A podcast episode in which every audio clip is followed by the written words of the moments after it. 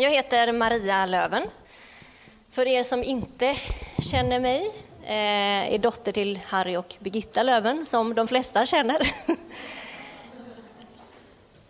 Eh, och idag så har jag och Emelie Åberg fått möjligheten att få dela ett ord med er.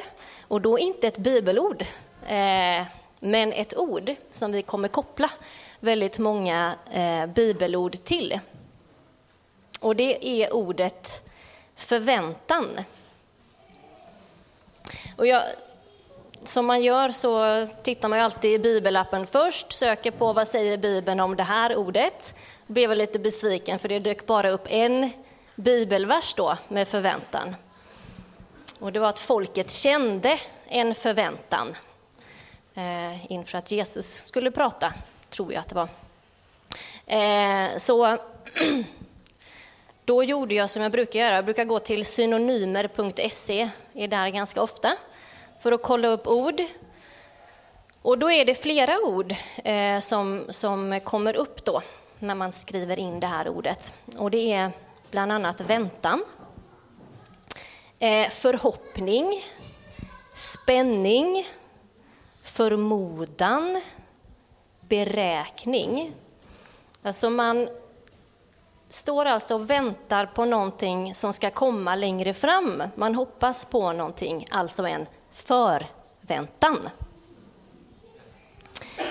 Och vi alla här inne, medvetet och omedvetet, eh, förväntar oss saker eh, av oss själva och av andra. Och andra förväntar sig också saker av dig. Det kan kännas lite jobbigt ibland, men så är det. Vi förväntar oss saker av samhället, alla olika institutioner, av staten, av kyrkan, eh, av Gud också. Sen har vi också eh, förväntningar på livet. Vi bär på drömmar för oss själva och för kanske våra barn. Eh, vi vill människor för saker i vår omgivning. Och eh, ibland är det så att det det blir som vi, som vi vill, som vi har förväntat. Och då blir man väldigt, väldigt glad, man känner lycka. Eh, och ibland blir det inte som man har förväntat och då känner man en, en besvikelse. Ibland kan man också känna en, en osäkerhet inför saker som ligger längre fram. Vågar jag verkligen förvänta mig någonting? Man kan känna att risken är för stor, att det inte blir som jag har förväntat mig. Och då förväntar man sig kanske ingenting. Eh, I allt det som vi hoppas på, förmodar, så är det viktigt att lyfta sin blick och att fästa den på Gud. Inte att man inte ska förvänta sig någonting, men man lyfter blicken i det och fäster den högre. Och jag brukar nästan dagligen tänka på solrosor. Eh, där har vi dem. Och det är för att de är väldigt coola, tycker jag. Eh, under tiden som de växer för att hamna i full blom eh, så följer de solen. Så under dagen följer den solen och sen på natten så vrider sig hela skälken eh, mot öst för att möta soluppgången, för att möta solen och för att följa solen hela dagen tills den går ner i väst och sen så vrider den sig under natten. Och jag tänker att det är så som vi ska göra. Vi är på jorden, vi, är, vi går omkring här, vi är rotade här. Eh, men, men vår andliga blick behöver, och vi har möjlighet att alltid då fästa den på Gud, som är solen. Men vem är då denna sol? Vem är Gud? Och jag ska, det är ju kanske en predikan i sig, vem Gud är. Eh, eller, eller ett evighetsprojekt, kanske. Eh, men vi kan, jag ska dela några fragment om, om vem Gud är. Eh, och vi ska börja med Andra Moseboken 14. För där kan vi läsa om en Gud som delar på hav. Miraklens Gud. Yes. Eh, och här, den här historien handlar ju om hur Gud räddar Israels barn undan eh, sina egyptiska förföljare. Och I Andra Moseboken 14, då, 10 och 12, så står det så här. När farao närmade sig lyfte Israels barn blicken och fick se egyptierna som kom tågande efter dem. Israels barn blev mycket förskräckta och ropade till Herren. Och de sa till Mose, finns det inga gravar i Egypten eftersom du har fört oss hit för att dö i öknen? Vad har du gjort mot oss? Varför förde du oss ut ur Egypten? Det är fantastiskt. De ser ett hot och de på en gång riktar sin blick mot Gud och kastar sig på honom och ber honom om hjälp. Vad de också gör, fullt förståeligt och väldigt naturligt, är att de också anklagar Mose. Varför har du satt oss i den här situationen? Och Gud har ju en plan och han har berättat för Mose vad han ska göra. Så vi fortsätter att läsa då eh, i vers 21 och 22. Och Mose räckte ut handen över havet och Herren drev då undan havet genom en stark östanvind som blåste hela natten. Han gjorde havet till torrt land och vattnet klövs i tu. Israels barn gick rakt igenom havet på torr mark medan vattnet stod som en mur till höger och vänster om dem. Ibland gör Gud så. Eh, han gjorde så för Israels barn, ibland gör han så för oss. Ibland delar han på dina hav så att du kan gå rätt igenom. Eh, men sen är det också så här att ibland delar Gud inte havet för dig. Eh, det är också en verklighet. Ibland står man där vid strandkanten och bara väntar på den här östanvinden som aldrig kommer. Eh, kanske det är så att Gud istället ger dig en, en våtdräkt eller ett par simpuffar. Och så pekar han på andra sidan och så säger han, där är andra sidan. Så puttar han på dig och så får du ta kliv ut i det vattnet. Och om det är så att han gör så, så säger han också i Jesaja 43 och 2. Om du går genom vatten är jag med dig, eller genom strömmar så ska de inte dränka dig. Om du går genom eld ska du inte bli svedd, lågan ska inte bränna dig. Gud är också den Gud och den far som håller oss i handen. Han är alltid där. Och jag tyckte det var väldigt bra som du sa där Arne, att, att prata om, lite om hjärna och hjärta. Ibland kan man känna sig ensam, men man är aldrig ensam. Man får koppla på sitt medvetande om att jag är inte själv, Gud är med. Sen har vi också psalm 23 som vi alla känner till. Han är våran käpp och han är våran stav. Käppen håller heden lite framför för att mota bort det som är i vägen. Och staven kan man lägga väldigt mycket vikt på under sin vandring. Några andra saker om Gud. Psalm 18, 2 och 3. Det här är Gud. Märk, märk de här orden. Herre, mitt bergfäste min borg och min räddare, min Gud, min klippa och min tillflykt, min sköld och min frälsningshorn, mitt värn, alltså mitt skydd och min barrikad. Och där ska jag lämna över till Emelie.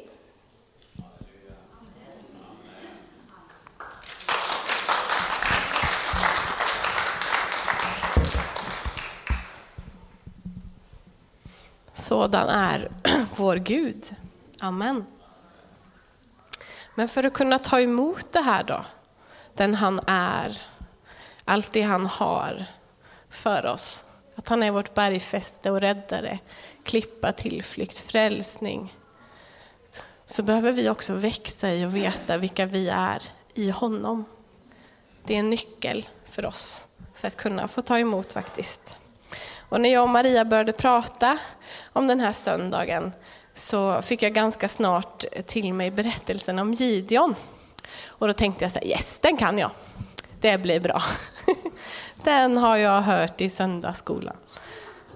Men när jag sätter mig med domarboken och läser om Gideon så bara Gud visar nya saker så som han gör med sitt ord. Fast vi trodde att den kunde vi. Jag blev så glad idag också att Gideon är här. Gideon Jansson, extra bonus. Underbart. Vi kan gå till Domarboken 6 och vers 11. Och berättelsen är sådan att Israels folk eh, lider under strider och ockupation från midjaniterna och är svårt pressade. Och Gideon, som jag tänkte så här, nej han, han var ingen modig kille där i början. Men det finns ändå något mod hos Gideon som är ute och försöker få ut lite vete från vetekornen. Eh, och vi ska läsa om hur det här går till.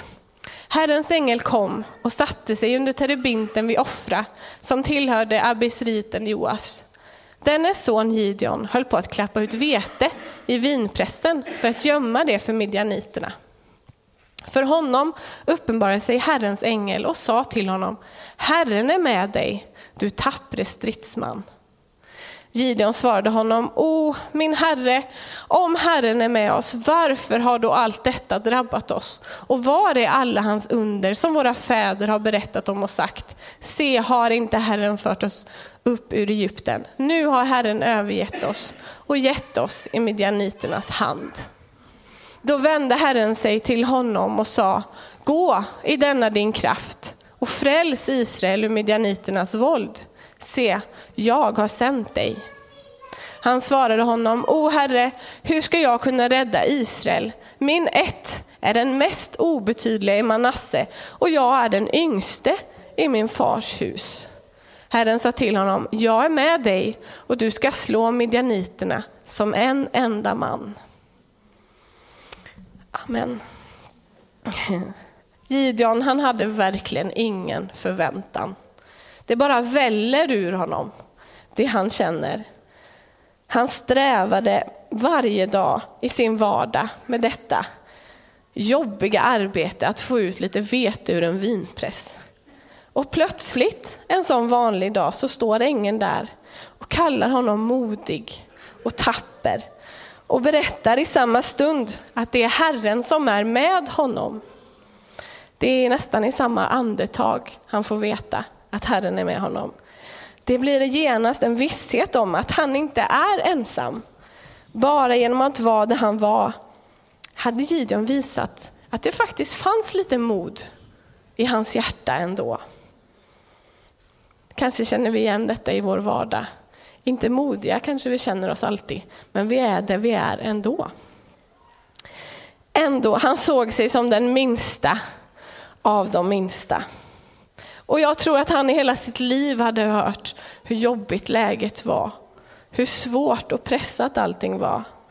Och övergivenhet och hopplöshet hade kanske funnits omkring honom i hela hans liv. Men när vi läser vidare sedan i berättelsen så ser vi hur Gud utför under på under. Och han tillåter Gideon att faktiskt eh, visa vem han är för honom. Han är så tålmodig med Gideon i de stunderna. Och han är verkligen med honom och det är även då de klarar av att besegra fienden. Men Gud han gör det verkligen på sitt sätt. Han visar att det är han som har allt i sin hand när vi läser den här berättelsen. Gideons armé var inte stor från början och man kan ju tänka sig stämningen. Om Gideon upplevde det så här så var det nog fler som gjorde det. Och denna lilla armé så skickar Gud ändå hem alla utom 300 stycken som sedan besegrar midjaniterna från det ockuperade landet. Den minste av de minsta satte sin förväntan till vad Gud kan göra. Men Gud ser också vår ängslan. Och det var det här jag upptäckte i berättelsen. Hur Herren säger dagen innan striden så säger han så här, men om du är rädd, om du fruktar, så smyg ner till fiendens läger så ska du bli uppmuntrad. Och han gör det på natten tillsammans med en kompis. Det är alltid bra att ha en kompis. Och så smyger han ner och så hör han så lägligt hur två midjaniter står och pratar. Ja, jag drömde att det var en stor brödkaka som bara rullade över vårt tält och alltihop rasade. Och den andra säger, ja det måste betyda att nu kommer Israels armé och besegra oss. Och Gideon gick hem och kan säga till, till sin armé, nu kommer vi att besegra dem. För Gud ser hans fruktan även mitt i allt, trots allt han hade visat innan. Och jag tycker det här är så trösterikt för oss, att när vi går på det Gud säger, vi ser upp till honom, som Maria sa, vi lyfter vår blick. Men även när det finns oro hos oss så ser Gud det. Och han lämnar oss inte i det och han ger oss uppmuntran. Nu ska vi hoppa framåt i, i historien. Många, många år senare så var Israels folk igen ockuperat vid tiden för Jesu födelse. Denna dag, gången var det romarriket som var ockupanterna, men stämningen i landet var också förtvivlad och mycket svår. Det är då Jesus föds in i vår historia. För att vi ska få en framtid och ett hopp. Och vi ska läsa från Lukas 2, vers 22 till 32. Jesus är född och Josef och Maria tar, som seden och lagen var, sin förstfödde till templet. När tiden var inne för deras rening enligt Mose lag tog de med honom, Jesus alltså, upp till Jerusalem för att bära fram honom inför Herren. Som det står skrivet i Herrens lag, varje förstfödd son som öppnar moderlivet ska räknas som helgad åt Herren. De skulle också ge det offer som är bestämt i Herrens lag, ett par turturduvor eller två unga duvor. I Jerusalem fanns en man som hette Simeon. Han var rättfärdig och gudfruktig och väntade på Israels tröst och den helige ande var över honom. Av den helige ande hade han fått en uppenbarelse att han inte skulle se döden förrän han sett Herrens mode. Ledd av anden kom han till templet och när föräldrarna bar in barnet Jesus för att göra med honom som man brukade enligt lagen tog han honom i sina armar och prisade Gud och sa Herre, nu låter du din tjänare gå hem i frid, så som du har lovat. För mina ögon har sett din frälsning, som du har berett inför alla folk. Ett ljus med uppenbarelse för hedningarna och härlighet för ditt folk Israel. Amen. Jag kan tänka mig hur glad Simeon var i den här stunden. Men han satte sin förväntan till Herren genom att han kände hans trofasthet genom ett löfte. Han bortsåg ifrån eh, alla omständigheterna i landet. Och bara genom att se denne lille, lille bebis, inte mycket åldersskillnad på Filip och Erikas lille Sam nu, några dagar gammal bara. Och bara genom att se den här lille bebis visste han att frälsningen hade kommit. Det är att lyfta sin blick till något annat än sig själv och omständigheter. Och i vuxen ålder sen så vet vi att Jesus gång på gång eh, visar folket vem Fadern är. Det är ju en av hans stora eh, predikningar genom sitt liv, verksamma liv på jorden. Vad som vi barn kan förvänta oss Se på himlens fåglar, säger han. De arbetar ju inte.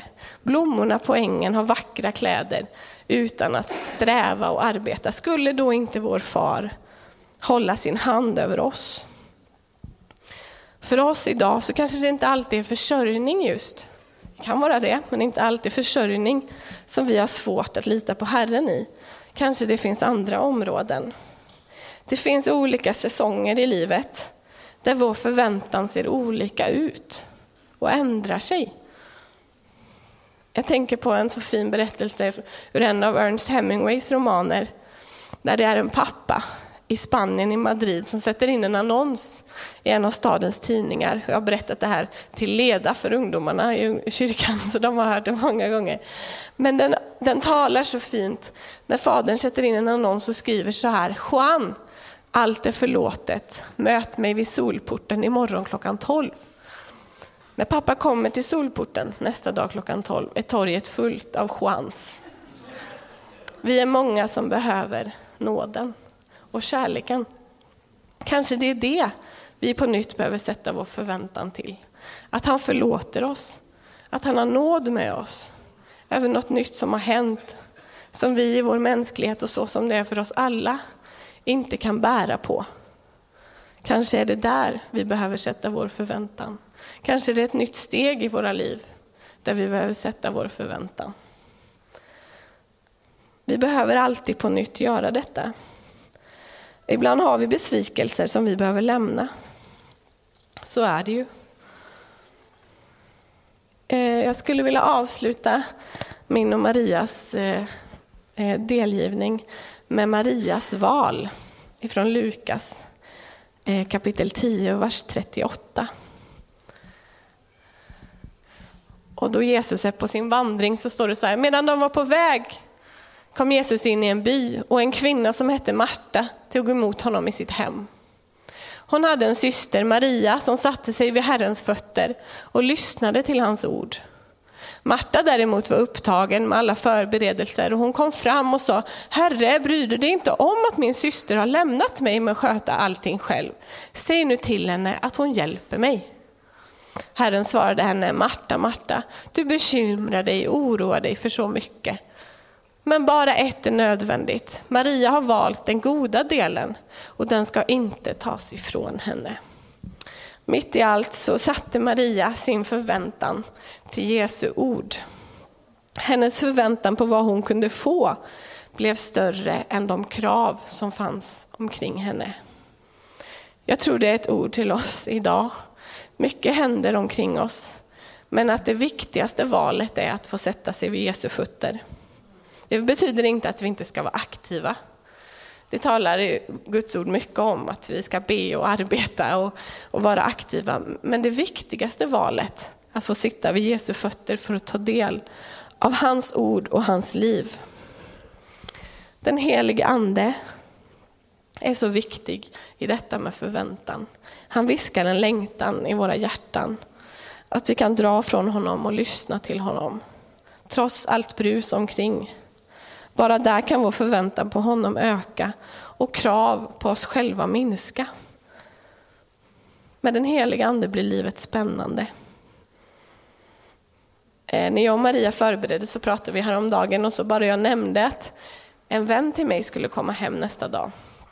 Och när vi bad för varandra sen, innan vi avslutade samtalet, så, så bad Maria för det här mötet när min vän skulle komma.